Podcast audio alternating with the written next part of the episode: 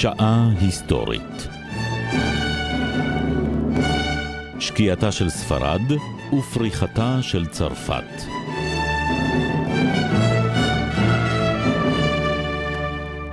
הפרופסור מיכאל הרסגור וליעד מודריק משוחחים על אירופה של המאה ה-16.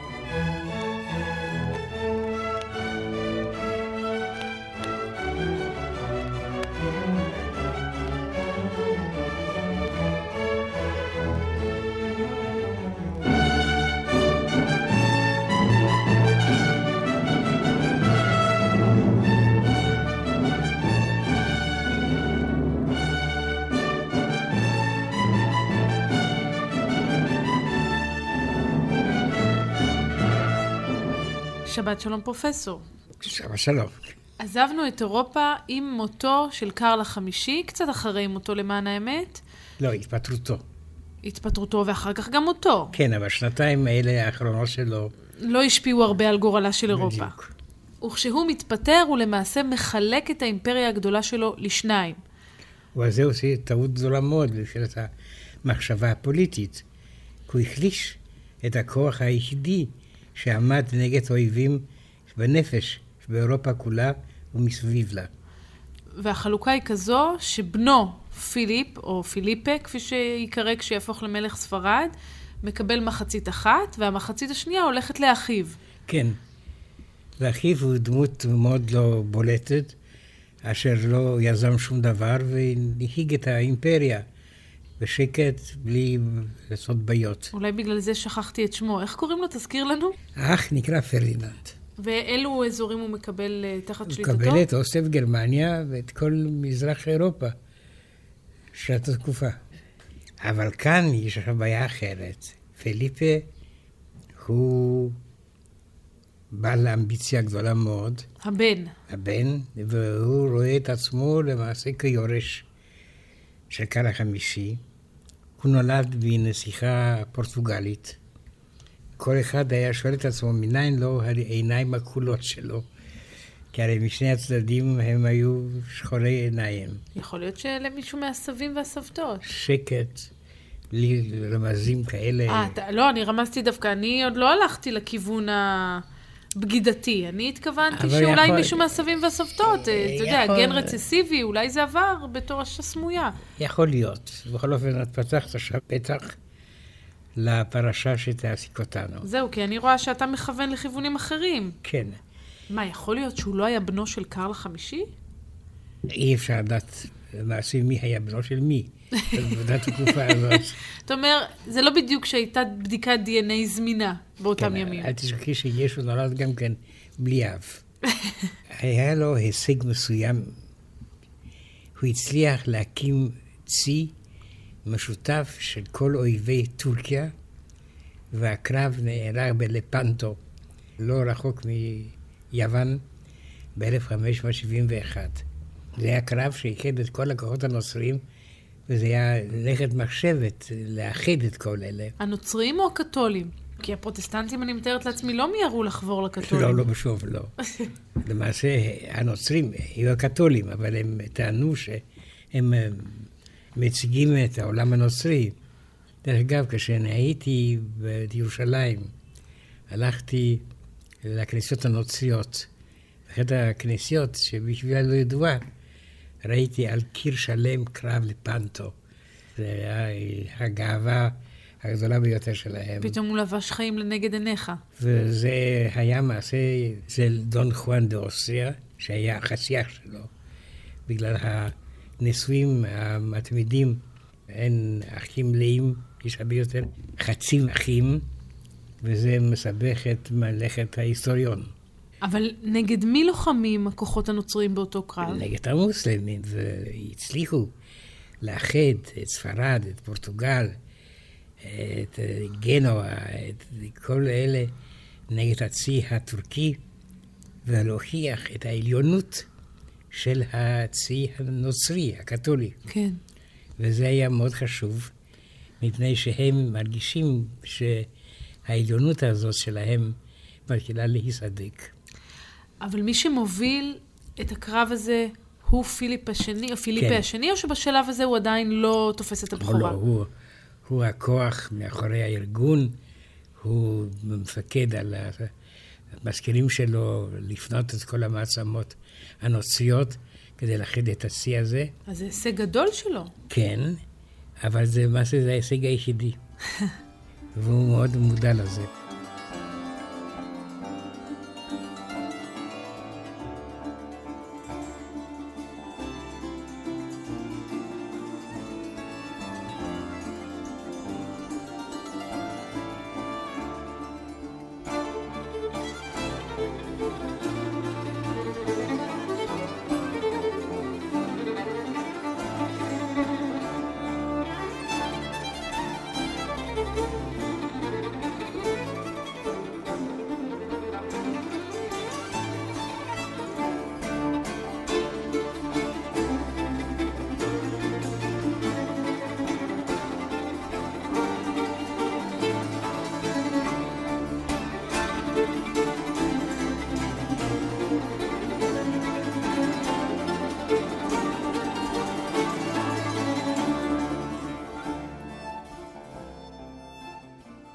נחשב למלך אבסולוטי.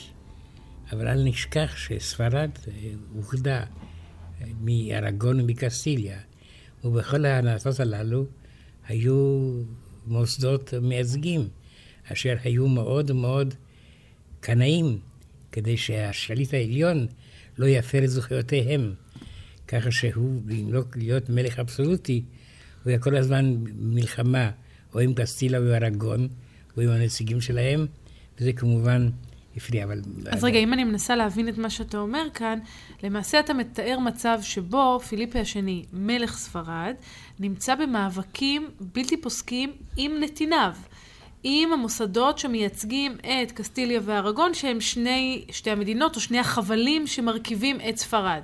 בדיוק, נוסף לזה הייתה לו בעיה נוספת, וזה היו הערבים של גרנדה. הם היוו סכנה, מפני שברגע מסוים הוא היה חייב להצהיר על גירושם של הערבים מממלכת גרנדה לשעבר, אל השטחים האחרים של מלכותו. בשלב הזה, יהודי ספרד כבר אינם חלק מהמדינה. ודאי שלא.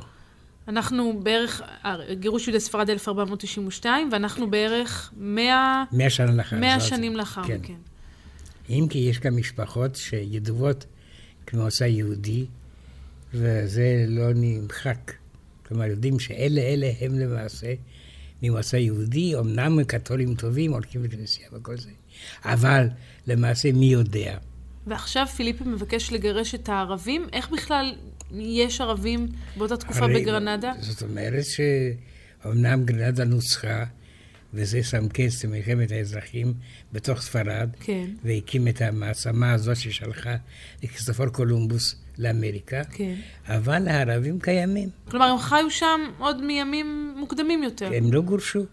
מה, מי שגורש היה המלך הערבי, הקליף, ועכשיו, אה, והם כמובן לא נוצרים, ושומרים על מנהגיהם, ומהווים סכנה, לפי דעתו של פיליפ השני, על אחדות האימפריה. האינקוויזיציה בימי פיליפ השני פורחת, פורחת. כן. אבל זה בא לידי ביטוי רק כלפי התושבים הערבים שתיארת, או גם כלפי נוצרים שאינם מקיימים את דתם באדיקות מספקת. יש גם זה, כי חשודים כבר הזמן של רדיפה מתמדת של יהודים כאילו, שמזמן כבר לא... מומרים. הם מזמן כבר לא יהודים, אבל סוכני האינקוויזיציה חייבים גם להרוויח את לחמם. אז הם מגלים כל פעם סוטים, וזה נגמר תמיד עם שריפת חגיגית אוטודפאו בהשתתפות המלך והציבור הנבחר. כלומר, פיליפ מאשר את העניין הזה ביד רחבה.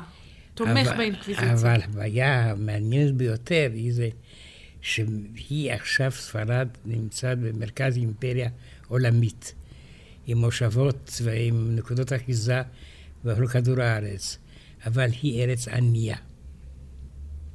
שום דבר מן האוצרות מבחוץ לא יכול לשנות את הדבר הזה. אגב, אותנו מלמדים בדרך כלל באופן מסורתי בשיעורי ההיסטוריה, שאחת הסיבות לכך שספרד הפכה לענייה היא באמת גירוש היהודים, שהחזיקו בחלק אה, משמעותי מההון בספרד. ללא ספק, זה תרם לזה. אבל מה עוד? איך ספרד הופכת להיות באמת מדינה ענייה? אין תעשייה, אין מסחר, יש חקלאות מפגרת.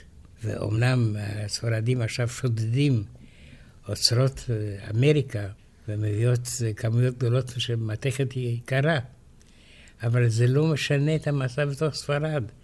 ואז אנחנו נהיה עדים לעובדה שהאימפריה ששולטת על כל העולם ומייבאת לעצמה זהב וכסף, עומדת מול משבר כלכלי גדול, ולמעשה היא מפסיקה את התשלומים, היא פושטת רגל. באותם ימים ספרד היא האימפריה החזקה ביותר? בהחלט. אבל היא כעורה, אם אפשר להגיד ככה. Hmm. היא פושטת רגל, כלומר, היא לא יכולה לשלם את החובות שלה. היא חזקה למראית עין, כן. ואפשר לומר במונחים של ימינו, חיה על האוברדרפט. כל הזמן. ופיליפה השני מנסה בכל מחיר, מה שנקרא לזרות חול בעיני הציבור. כל הזמן הוא מצהיר על חשיבותה, על כוחה. ועל אושרה. ועל אושרה. אבל בא, בא פתאום הבנקאים הגדולים שספרד חייבת להם כסף. אומרת, אבל את לא משלמת, את פושטת רגל. אז מה הוא מנסה לעשות? אני מתארת לעצמי במצבים האלה, אם אני שוב מנסה לאמץ שיטות שנהוגות היום, אפשר להעלות את המיסים. אבל אי אפשר ליצור בורגנות. ואותו מעמד שעושה כוחה של הולנד וגם של אנגליה באותה תקופה, חסר לספרד. אלה בעצם הימים שבהם מתחיל להתגבש אה, המעמד הבורגני, מה שיהפוך לבעלי ההון, אלה ששולטים באמצעי הייצור, והכוח שמחזיק את הכלכלות של הרבה מאוד מדינות בעצם מאותה תקופה ועד ימינו. כן, אבל הוא חסר לספרד. ולכן ו... אין אפילו ממי לגבות מיסים. בדיוק. אני שוב מנסה לחשוב על אפיקי פעולה אפשריים לפיליפה השני. הוא יכול למשל למכור חלק מהמושבות למדינות אחרות? ודאי שלא, אבל הוא יכול למכור תוארים. והתוארים הם מכניסים מפני שהם קשורים אחוזות. ואחוזות מכניסות.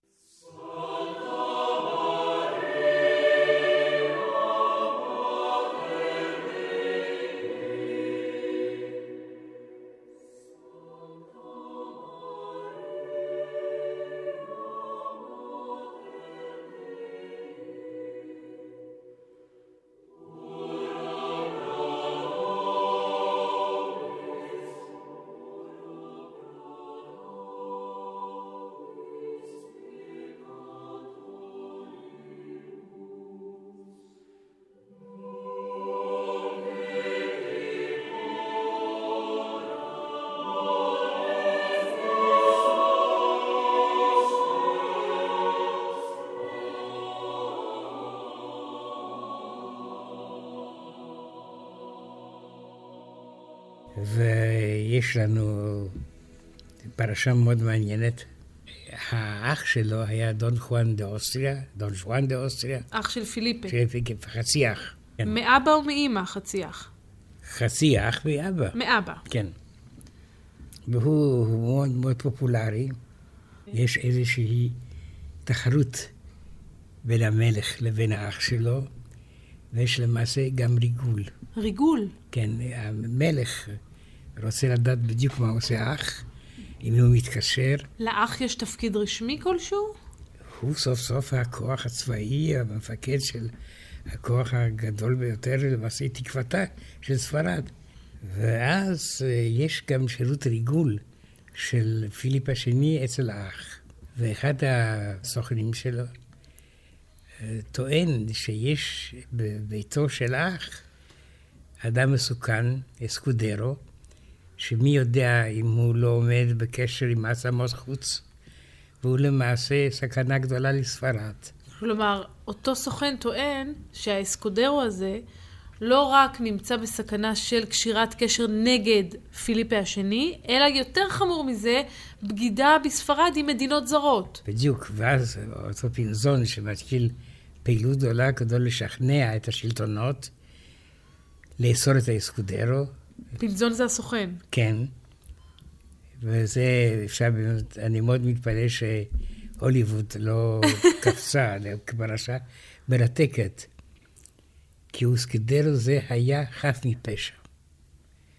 הוא אדם ישר, נאמן, אבל פינזון מצליח לנקום מסביבו רשת, שעד הסוף הוא נאסר, הוא מפליל אותו. מפליל אותו לחלוטין, בלי כל טעות, בלי כל שגיאה מצידו, והוא מוצא להורג.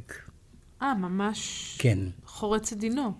אחרי שהוא הוצא להורג, מתחילו החשדות שמי, האם לא פינזון המציא את כל העניין הזה. ואז מתחילה גם לקמות אה, קשר נגד פינזון. אבל סליחה רגע, מה האינטרס של פינזון? לעצמו, להעלות לעצמו בעיני המלך, להראות שהוא... כלומר, הוא רוצה להראות, הנה, צדתי עבורך את אחד המרגלים הגדולים ביותר, וזה הופך אותי למקורב אליך, מישהו שאתה יכול לסמוך עליו. אם בדרך אדם צריך לשלם בחייו, עבור זה לא נורא, מחיר שאפשר כן, לשלם. אבל היו קולות שנשמעים עכשיו יותר ויותר. הרי פינזון הוא-הוא האויב. אבל הוא ו- גם מרגל בעצמו, או שהוא רק ממציא את הסיפור הזה? הוא לא מרגל של מסע מזרה, אבל הוא עשה את כל הפרשה הזאת כדי להיפטר מסקודרו, והשתמש בכל מיני מסמכים מזויפים. ואז מתחיל מאבק נגדו. נגד מ- פינזון. כן, משפט, והוא אה, קופץ מרשות לרשות כדי להגן על עצמו. וזה מאוד מעניין שמבחינה מסוימת הוא לא יהודי, האינקוויזיציה לא יכולה לטפל בו, כי האינקוויזיציה תמיד הייתה מוציאה את האשמים, וכאן אין, אין לו האשמה כזאת. אז הוא קופץ מארגון לקסטיליה ולכל מיני מוסדות, סוף סוף בספרד עדיין אין אחדות משפטית. כן. וכאשר הוא נמצא ממש, המלך מתחיל להאמין שהוא אשם, שסקודרו עושה לו הורג כשהוא חף מפשע. אז מה הוא עושה? מוציא להורג את פינזון. פינזון. לא, מה? פינזון בונח לצרפת, אה, עם כל מיני סודות של ספרדים, והוא בצרפת יעשה הון על ידי פרסום כל מיני מסמכים. טוב, הוא אה, אופורטוניסט, אחד הגדולים שיש. עוד איך. פינזון. וזו פרשה לא כל כך ידועה, אבל היא פנטסטית, מפני שהצרפתים שמחו מאוד. אוצר כזה מגיע להם מן הדרום, והם אה, נתנו לו רכוש ובית והכל. אבל ו... ברגע שהוא נמצא בגבולות צרפת, פיליפה לא יכול באמצעות סוכנים, או לשלוח אליו את אבל ידו. גם ו- בנזון היה, לפי דעתי, יותר מתמצא בדברים האלה. הוא היה הרבה יותר ערמומי ה- מהמלך ומאנשיו. כן. וזה, לפי דעתי, פרשה לא ידועה, אבל כל כך מעניינת, ופינזון פרסם גם חומר בצרפת, בצרפתית, וזה אפשר לעקוב אחרי הפרשה הזאת, ומקבלים תמונה מאוד קודרת של החצר הספרדית.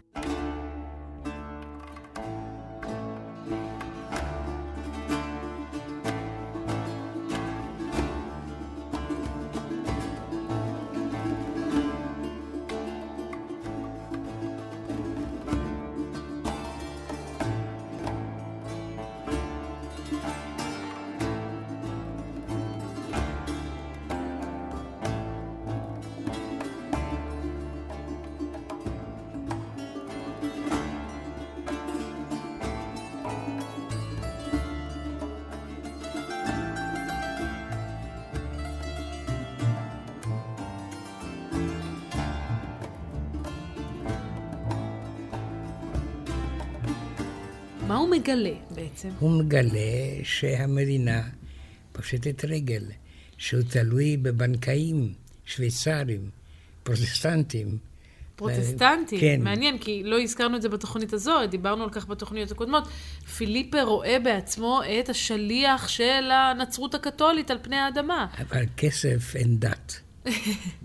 ועל כן יש בשוויצריה בנקאים, גם קתולים וגם פרוטסטנטים, והוא גם תלוי בהם. מעניין שעד היום, הרי, הבנקים השוויצריים נודעים למרחוק ומשתמשים בהם, ואתה אומר כבר אז, כן. במאה ה-16. הבנקים השוויצרים הם אלה שהחזיקו את הממון. יש גם בגנואה בנקים, ואני רוצה להגיד לך שגנואה זאת מדינה, משום מה, היריבה שלה הייתה ונציה. ונציה תמיד ידועה מאוד, היא מאוד ציורית, עם הגונדולות ועם הקרנבל, אבל גנואה הייתה מעצמה כספית חשובה מאוד. ובמידה מסוימת אה, פיליפ השני היה תלוי בבנקים של גנואה. וכל העולם ידע שהמעצמה ששולטת בכל העולם, הנוצרי, הולכת היא לא. היא לא שולטת בכספים שלה. אני מנסה לחשוב, אתה מתאר מציאות שבה ספרד הולכת ומתנוונת בגלל היעדר התעשייה, בגלל היעדר המעמד הבורגני. היה משהו שניתן היה לעשות על ידי פיליפ השני, על ידי אביו קרל החמישי. אפשר להפנות אצבע מאשימה לשליטים שלא הצליחו לקרוא את המפה ולתעש את uh, ספרד? אני רוצה להגיד לך במונחים של אז? היהודים תמיד אוהבים uh, לרשום על חשבונם אסונות שקורים לאחרים. גם באסונות של עצמנו אנחנו לא כן, רואים. אני לא מדבר על זה. אין ספק שהיעדר היהודים, היעדר הבורגנות, היא-היא האסון. זהו האסון של ספרד. אז אם אנחנו רוצים להפנות אצבע מאשימה, אז כן אפשר לדבר למשל פרדיננד ואיזבלה. הם פתחו, הם לא ידעו מה יכול לקרות. אבל פיליפ השני כבר יודע מה קרה. ומעניין מאוד שעל פרדיננד ואיזבלה יש סיפורים על העצבים שלהם, על- פיליפ השני, הוא כל הזמן שמר על כל רוחו.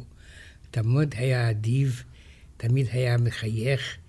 גם הטרגדיות הגדולות ביותר שהם פקדו את ספרד לא השפיעו על המזג שלו. שזה ראוי להערכה אצל שליט. כן, אבל זה היה משהו חלול. כן. כלומר, הוא מעיד פנים כאשר מסביב לו הכל התמוטט. ואז, כמובן, צרפת מתחילה לקבל יותר ויותר חשיבות. אומנם אין לה אימפריה, אבל יש לה מדינה כן. הרבה יותר מושלמת מ- מספרד. אבל אתה בתור היסטוריון שבוחן את הצעדים שבהם נקט פיליפה השני, יש משהו שלדעתך הוא היה צריך לעשות אחרת כדי להציל את ספרד, או שבמצב שהוא קיבל לידיו את המדינה כבר לא ניתן היה להציל?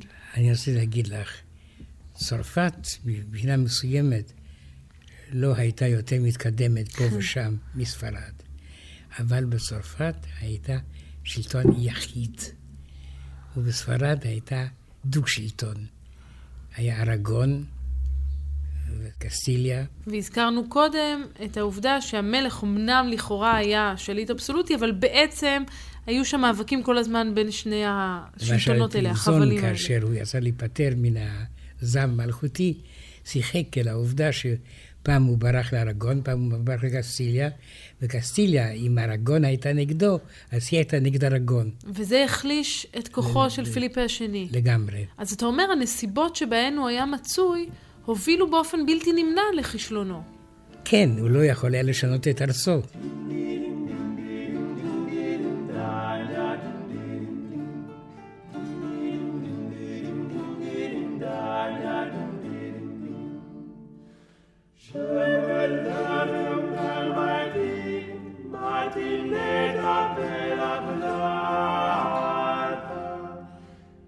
Encontré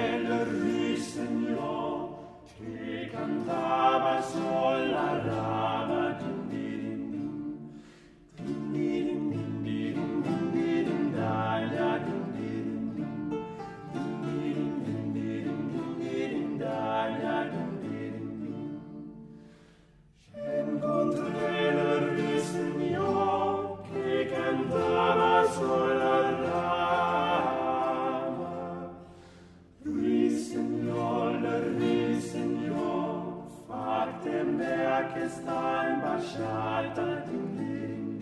למעשה בצרפת שולטת איטלקיה, קטרינה דה מדישי, שהיא הייתה אשתו של הנרי השני.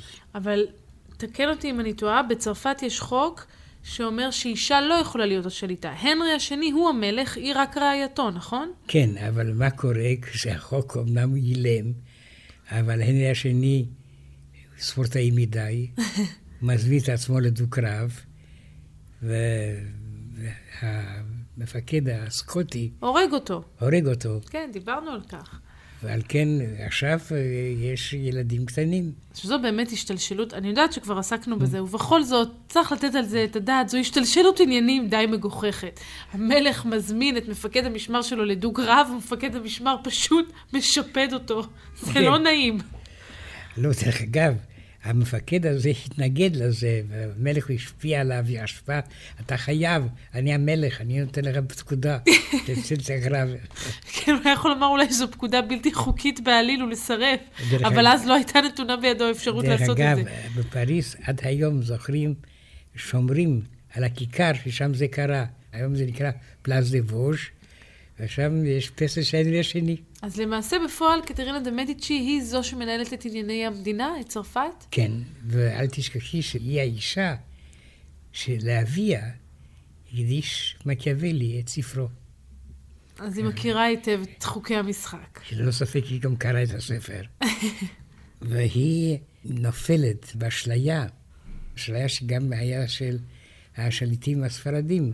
הספרדים חשבו שהיהודים מפריעים להם, היא חשבה שהפרוטסטנטים. ואז, היות והיא הייתה מקיאווליסטית וקתולית כמובן. וקתולית, היא מגיעה למסקנה שיש לחסל את הפרוטסטנטים בבת אחת, בדם קר, בכוח, להציל את צרפת מן הצררה הצרורה הזאת. ואז היא מתכננת תוכנית אה, איומה. היא תיתן את בתה לנסיך פרוטסטנטי לאישה, וזה באמת, מרגו. וזה יהיה טבח ליל ברטולומיאוס הקדוש, בדיוק. שאותו גם תיארנו כבר בעבר בתוכניות שלנו. אז איך זה משפיע על ספרד? ספרד כמובן מברכת, אבל כאשר התברר שזה כישלון, זה כמובן אה, כבר לא, לא מברכת. אז רק נזכיר למי שפספס את התוכניות הקודמות, התוכנית היא שהנסיך הפרוטסטנטי יגיע עם פמלייתו, נדמה לי 300, ב- בנישואים. בנישואים, על כן. מנת להתחתן עם בתה של המלכה, כן, ו- והרן מרגו. יטבחו פשוט בכולם, בנסיך ובכל הפמליה. כן, וזה מאוד מעניין שיש לנו אפילו עדות שקטרינה דה מדיצ'י פנתה את המפקדים הצבאיים ואמרה להם, תשואה, מתשואה לטוס. תהרגו אותם, את כולם. כן, ולמה אתה מכנה את הצד הזה כישלון? מפני שהם לא הרגו את כולם. אבל הם הרגו לא מעט, הם הרגו נדמה לי... אבל הם פתחו במלחמת אזרחים. זה כל העניין. כי הפרוטסטנטים נעלבו, אפשר להגיד ככה. כן. הרגשות שלהם קצת נפגעו מזה שרצחו להם עשרות רבות. מה- אל, ת, אל תשכחי שזה בא במסיבת נישואים. זה... והרצח היה מתוכנן. והם גם פגעו באחד האנשים החשובים ביותר בצבא הצרפתי, האדמירל דה קוליני. והייתה הרגשה שצרפת עכשיו שוקעת. כמו ספרד. כמו ספרד, אבל לא, ספרד לא... ספרד שוקעת על רקע כלכלי, צרפת תשקע על רקע מלחמת האזרחים. בדיוק. וזה למעשה הכוח של אליזבת מלכת אנגליה. מפני שאנגליה היא היחידה שמצליחה להתקיים באותה תקופה בלי מלחמת אזרחים. שומרת על יציבות גם כלכלית וגם פוליטית. כן. וזה עושה דווקא התקופה הזאת מאוד מאוד מעניינת, מפני שיש, בכל המדינות יש פרוטסטנטים. אבל במקום שהדבר הזה הוא בולט ביותר, זה גרמניה. מפני שגרמניה הם רכשו לעצמם זכויות. הפרוטסטנטים. כן, זה המקום היחידי שאי אפשר להפריע להם. ועל כן ההיסטוריה הפנימית של גרמניה תהיה מלחמת אזרחים על סיבות הדת, וזה יעשה מגרמניה למעשה מדבר פוליטי. אף מדינה לא תקום בגרמניה עד פרוסיה, עד במאה הבאה. כן. הנוף שבינינו זה נוף שומם. בגלל מלחמות הדתיות, אירופה לא יכולה להתגשם, לא יכולה להתקומם, להיות בסדר של מדינות החיות ביחסים נורמליים ביניהם.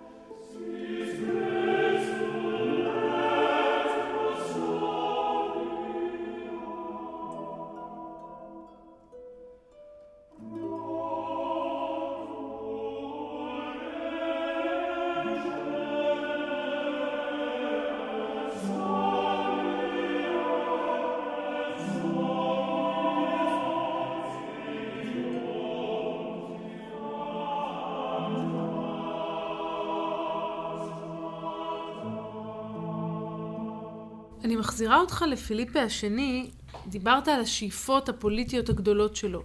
הוא לא ניסה לכבוש את החלק שניתן לדוד שלו, כלומר לאחיו של קרל החמישי? חלילה. זאת אומרת, לפגוע במשפחת האבסבורג. כי אנחנו היינו, סוף סוף אה, הסיסמה זה אוסטריה התחתני, ועל הנישואים תוכל להקים מעצמה. עכשיו אני אבוא ואני אפר את המצווה הקדושה הזאת. הוא לא חשב על זה. אבל הוא כן חשב לתקוף את אנגליה, וזו המלחמה הגדולה שגם אותה כבר תיארנו בהרחבה בתוכניות הקודמות, מהזווית האנגלית, עכשיו אנחנו מדברים בה מהזווית כן, הספרדית. יש כאן דבר שאני, משום מה, לא מדברים על זה, שאנגליה הגיבה לנקודה הזאת על ידי הקמת צי אנגלי שירד לספרד, במטרה להפיל את פיליפה. מה, עוד לפני? אחרי. אחרי. כן, וזה לא הצליח. אז רק נזכיר, ספרד יוצאת עם הצי הגדול והאיום ביותר, הבלתי מנוצח לכאורה. אינביסיבל, כן. כן. כדי לכבוש את אנגליה ולמגר את הפרוטסטנטיות, את הכנסייה האנגליקנית למעשה, בשם הנצרות וגם בשם האינטרסים הכלכליים אבל כמובן. אבל זה מאוד מעניין שפיליפי השני, בדרך כלל מנהיגים צבאיים מסתירים את תוכניותיהם.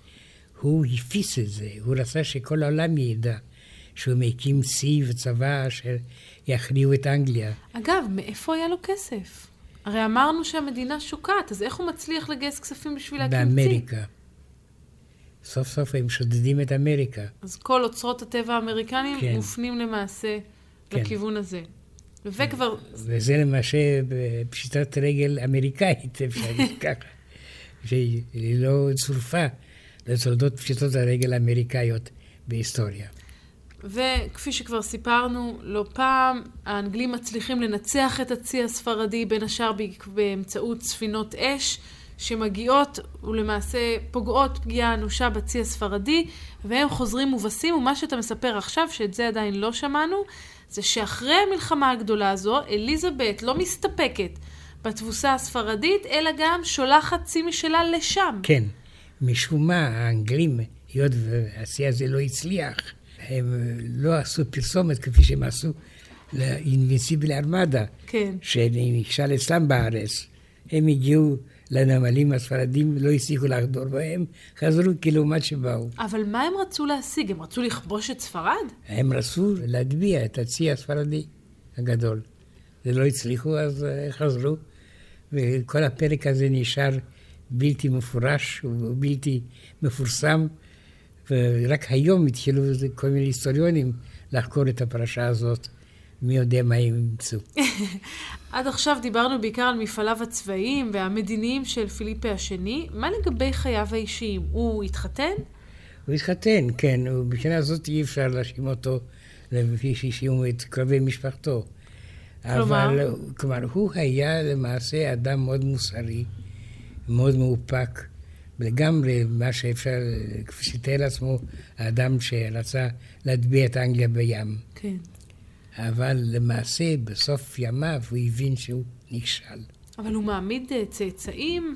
כן, פיליפי השלישי יבוא עכשיו, והוא יהיה למעשה מלך השקיעה של ספרד. של ספרד. והשקיעה הזאת תימשך דורות רבים. כמה זמן פיליפה נשאר בשלטון? הוא נשאר... שנים עד, ארוכות. נשאר, כן, עד סוף המאה. אה, ממש עד סוף המאה. כן, עד סוף המאה. ואז הוא רואה, לצערו הרב, שבצרפת מתגבשת עכשיו מלוכה המתגברת על המאבקים הפנימיים, מתגברת על מלחמות הדת, ועל ידי הנרי הרביעי מופיע צרפת מאושרת, מסופקת, אה, נותנת טון לאירופה, מדינה שמושכת עכשיו תשומת הלב של היבשת כולה. שאלתי קודם האם לא הייתה אפשרות למכור חלק מהקולוניות כדי להשיג משאבים. חלילה. אז אמרת שלא. אה. אבל אני כן רוצה לשאול, האם לא הייתה מחשבה לוותר לפחות עליהן? כי הרי קולוניה היא גם הוצאה, אף על פי שאתה אומר בעיקר, הקולוניות הכניסו להם כסף כי הם שדדו שם את משאבי הטבע. כן, אבל למי ימכור אותם? אין מעצמה אחרת המסוגלת לקנות אותם, כי אין להם צי ואין להם כוח הצבאי הרגיל. אז למעשה לס- לספרד אין מוצא. אין לה לאן להתקדם. לא, זה מאוד יפה לראות שהמדינה הזאת כולה מוכנה לחידוש, מוכנה להשקעות, ואין מי שישקיע, אין מי שיעזור. מה יפה בזה? זה נראה לי דווקא די מדכדך, פרופסור. יפה בעיני אויביה של אה, ספרד. אבל אנחנו לא אויביה של ספרד. לא חלילה, אבל סוף סוף צרפת עומדת מן הצד, וגם אז שכחתי אנגליה. שאנחנו באופן טבעי הולכים עם צרפת, לא משנה מה לא, קורה. חלילה, חלילה, את אומרת את זאת. אבל אנגליה היא גם כן, לפי דעתי, מדינה מאוד מעניינת. מאוד מעניין, גם ספרד מעניינת. בעיקר כן, אבל בספרד עומד גבר שוקע, ובאנגליה עומדת בתולה פורחת. פורחת.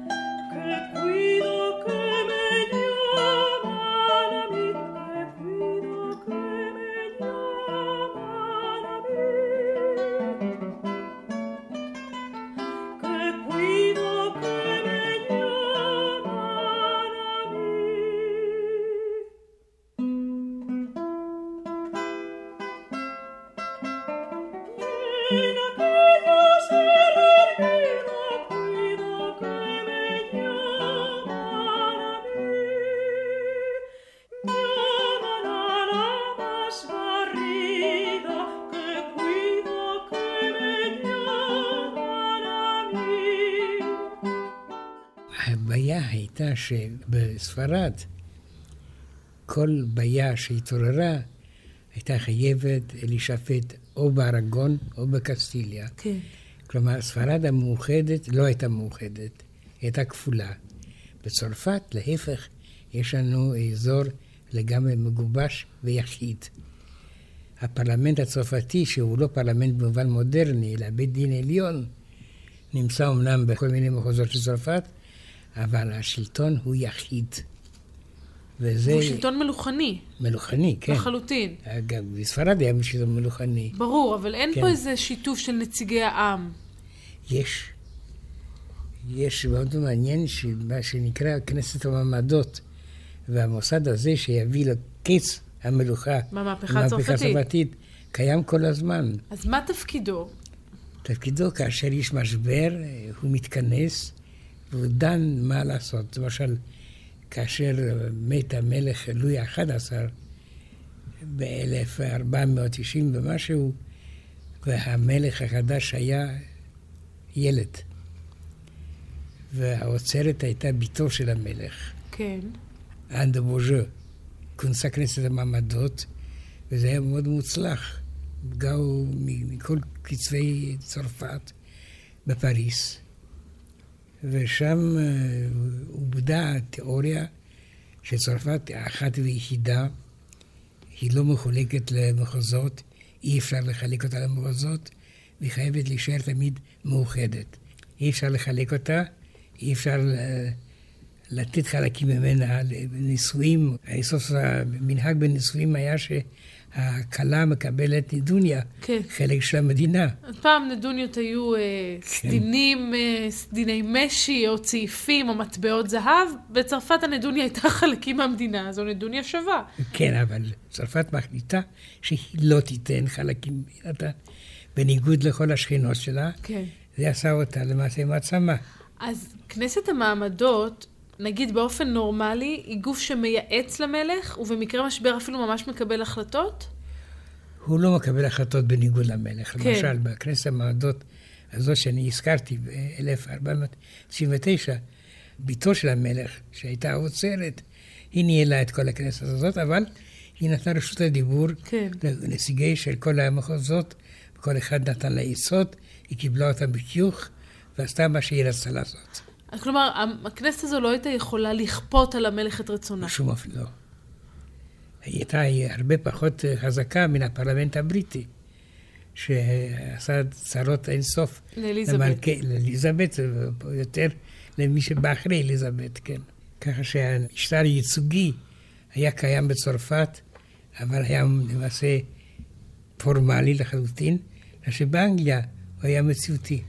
אז יש לנו שלושה מודלים שונים של שלטון. כן. בספרד דיברנו על מלך ששולט, אך למעשה המדינה שלו מחולקת לשניים, וכל אחד מן החלקים הללו מפגין איזושהי אוטונומיה שלטונית, והם לוחמים נגד השנייה, דרך אגב. ונלחם בחלק השני. כן.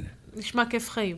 בצרפת, לעומת זאת, יש לנו שלטון מלוכני יחיד שמקבל עצות, ואולי גם אפילו הנחיות, מכנסת המעמדות, אבל עושה ככל העולה על רוחו. בדיוק. ובאנגליה יש לנו כן שלטון מלוכני כמו בצרפת, אבל הוא מוגבל יותר על ידי נציגי העם. הפרלמנט, פרלמנט, וזה עכשיו הופך להיות פתגם בצרפת, כשהמנהיגים הצרפתים, כשהביאו להם אה, דרישות מסוימות, הם השיבו, אין לנו פרלמנט כמו באנגליה.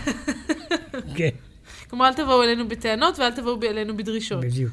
אמנם צרפת הייתה, בניגוד לספרד, מאוחדת, אבל הייתה בעיה אחרת. היה החוק. החוק היה שונה לפי המחוזות. ועל כאן היה מאוד קשה לאנשי המשפט להתאים איכשהו מה שמותר במחוז אחד למה שמותר במחוז אחר. אז הייתה אחדות שלטונית, אבל לא הייתה אחדות שיפוטית או משפטית. והמצב הזה של אי אחדות משפטית היה גן עדן לאנשי משפט, אשר בצרפת הביאו למעמד גדול מאוד, כי הם היו חייבים כל הזמן לפרש את החוק שהיה שונה ממחוז למחוז. אבל מי בסופו של דבר היה מקבל את ההחלטות? כל, נגיד, אה, אני יודעת, כומר מקומי או שופט מקומי? המלך היה, המלך היה הסמכות העליונה. כן, הוא היה מקבל את ההחלטה, כמובן לפי העצות שנתנו לו שריו. כן. כן. אבל היו גם אה, מערכות משפט מקומיות שפעלו, ובאמת, כפי שאתה מתאר, פר... היו פרלמנטים מקומיים. היה פרלמנט בטולוז, היה פרלמנט בעיר אחרת, וגם הפרלמנט בפריס, שהיה קובע פחות או יותר לגבי כל צרפת. באיזה שלב צרפת מתאחדת מבחינה משפטית? עם מהפכה, עם המהפכה הצרפתית. בוודאי. כי המהפכה היא סוף באה עם החוק הפנימי, הקונסטיטוציה. ועכשיו והלאה, כל הזמן צרפת תהיה מונהגת על ידי הספר היסודי הזה. החוקה. החוקה, כן. וזה אבל כאמור, אה, כמה? לפחות עוד אה, 200 שנה. כן.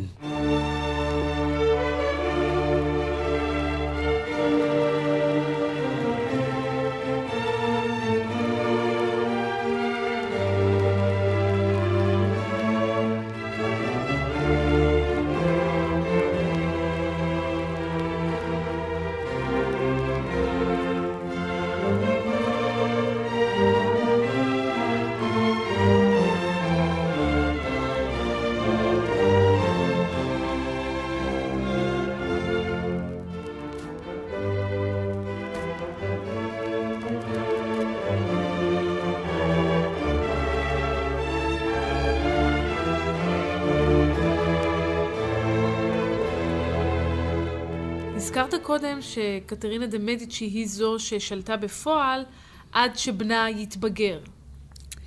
כן, אבל כאן יש לנו גם כן בעיה אה, מסוימת. המלך שהתבגר, פרנסואה השני, חי שנה. חי מת. שנה? כן, מה זאת אומרת? הוא שלט שנה? שלט שנה, כן, הוא מת. זה היה הבעל של מרי סטיוארט. ועל כן, שדיברנו ש- עליה. כן, שהיא נשלחה כל חזרה הקצוות לסקוטלנד. מתחברים, כן, בטח. והמלך הבא, אח שלו, כן. שרל התשיעי, היה חניך של אומנת פרוטסטנטית. פרוטסטנטית, והיא אמרה לו שטבח בתלמוס הקדוש זהו חטא גדול, והוא חי כל הזמן בהרגשה שהוא חוטא, שהוא נתן את הסכמתו, לפחות אה, באופן שכלי, לטבח הזה. אף פעם אין לזלזל בכוחה של היד שמנענעת את ההריסה. בדיוק, כפי שאת אומרת. ואז מה הוא עושה? מה הוא עושה עם התחושה הזו שהוא נצר למעשה למלוכה חוטאת? הוא מאוד לא מוצלח, יש לו אצלי מצפון, ונוסף לזה שגם מלחמת אזרחים מתפתחת. שהתחילה ש- בטבח כן, ליל כן, ברטולומיאוס הקדוש. ונוסף לזה יש לו אח. והאח הזה אמנם בפולין. הוא מלך פולין. אה, אחיו הוא מלך פולין. הוא נבחר על ידי פולנים. זה הנרי השלישי. והוא מבריק, מצליח ופופולרי, אבל הוא לא רוצה להיות מלך פולין. ברגע שהוא שומע שאחיו שר להציב מלך צרפת גוסס, הוא מתכונן לחזור לצרפת. והפולנים יודעים את זאת ורוצים למנוע את זאת. ואז באה רכיבה, המלך הפולני בורח, והאצילים הפולנים בורחים אחריו. מפולין לצרפת. עד ונציה. הוא מגיע לוונציה, עכשיו הוא מתקבל על ידי הדוד שהוא אומר, אני לא רוצה להיות מלך פולין. ממש כמו ילד שאומר, אני לא רוצה ללכת לבית הספר. כן, אבל הוא קורא את עצמו הנדק שלישי, בחסד אלוהים, מלך פולין וצרפת. אבל יש כבר מלך בצרפת. לא, ברגע שאח שלו מת. אה, חשבתי שזה עדיין בעת הגסיסה. לא, חשבתי זה- שהוא הקדים את הקץ. לא, לא, לא. בתואר הוא מלך פולין, כדי להוסיף לו עוד כתר, כן. אבל במעשה הוא מלך צרפת. אז זה לא שהוא לא רוצה להיות מלך פולין, הוא לא רוצה להיות רק מלך פולין. פולין וצרפת דווקא מתאים לו לא רע. בתואר זה בסדר. במעשה, זה לצרפת. אבל כמלך צרפת הוא היה מאוד לא מוצלח. הוא היה, אתן לך דוגמה, כשהיה רעם בחוץ, הוא היה מסתתר מתחת למיטה. בכלל, אתה מתאר אותו בתור זה- טיפוס די ילדותי. זה מלך, זה מאוד לא לא לעניין. מתאים, לא לא מתאים. לעניין.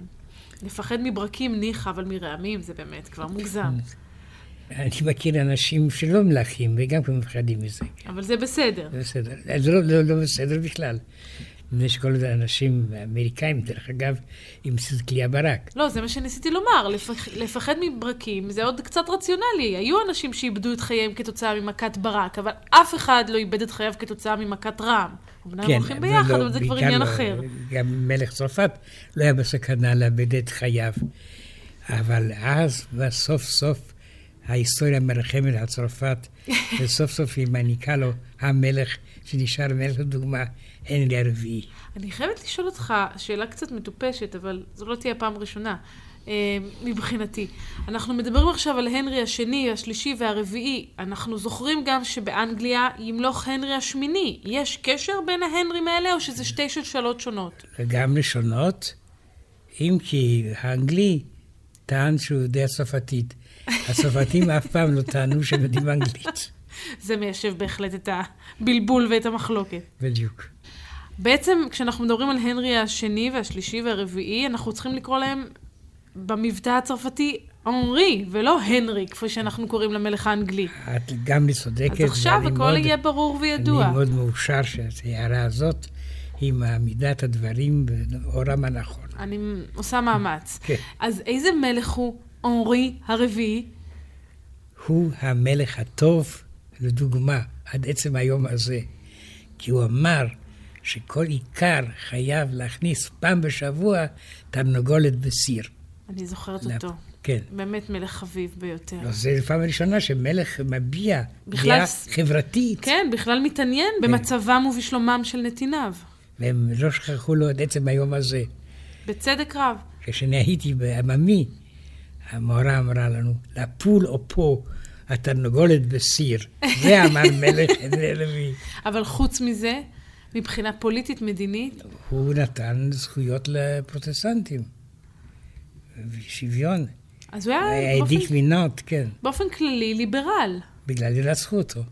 אה, הייתי צריכה לחשוב על זה מראש. איך הוא נרצח? הוא נרצח על ידי אדם בשם רוויאק, שהיה קנאי קתולי, אשר עקב אחריו. הוא נסע בפריס, בכרכרה, לבקר אצל ראש הממשלה שלו, סילי, שהיה חולה. ושם הייתה איזה סבך ברחובות, לא רק היום יש כאלה. היה פקק של כרכרות. כאן, וכרכרה שלו נעצרה, ואז הוא קפץ, והכרכרה הייתה ללא גג. הוא ראה את המלך יושב שם, תקע את הפגיון בחזהו, ורצח אותו. כלומר, רצח רצח, לא... רצח שהצליח, כן. והוא מת במקום? הוא מת במקום, ב-1610. ובזה נדמה לי שאנחנו נחתום את הסיפור שלנו שהתחיל ב- בספרד ובחלוקת האימפריה לשניים, ומסתיים ברציחתו של אחד המלכים הטובים ביותר בצרפת. לצערנו הרב. אבל היסטוריה היא לא רק שורה, יש גם פרקים חיובים בעתיד, וגם נגיע אליהם. אני מצפה בכיליון עיניים.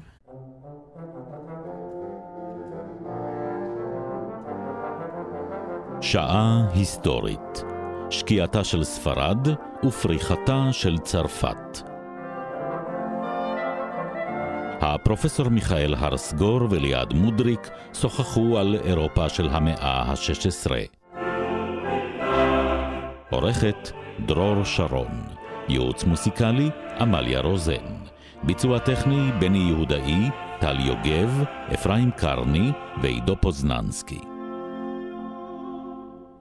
בתוכנית הושמעו קטעים מוסיקליים מאת המלחינים ג'ובאני גבריאלי, מישל רישאר דה ללאונד, ניקולה מטי, תומאס לואי דה ויקטוריה, לוקאס רויז דה ריבייז, קריסטובל דה מוראלס, פייר פרנסיס קרובל, מרן מרה, פבלו קזלס ואלונזו מודרה.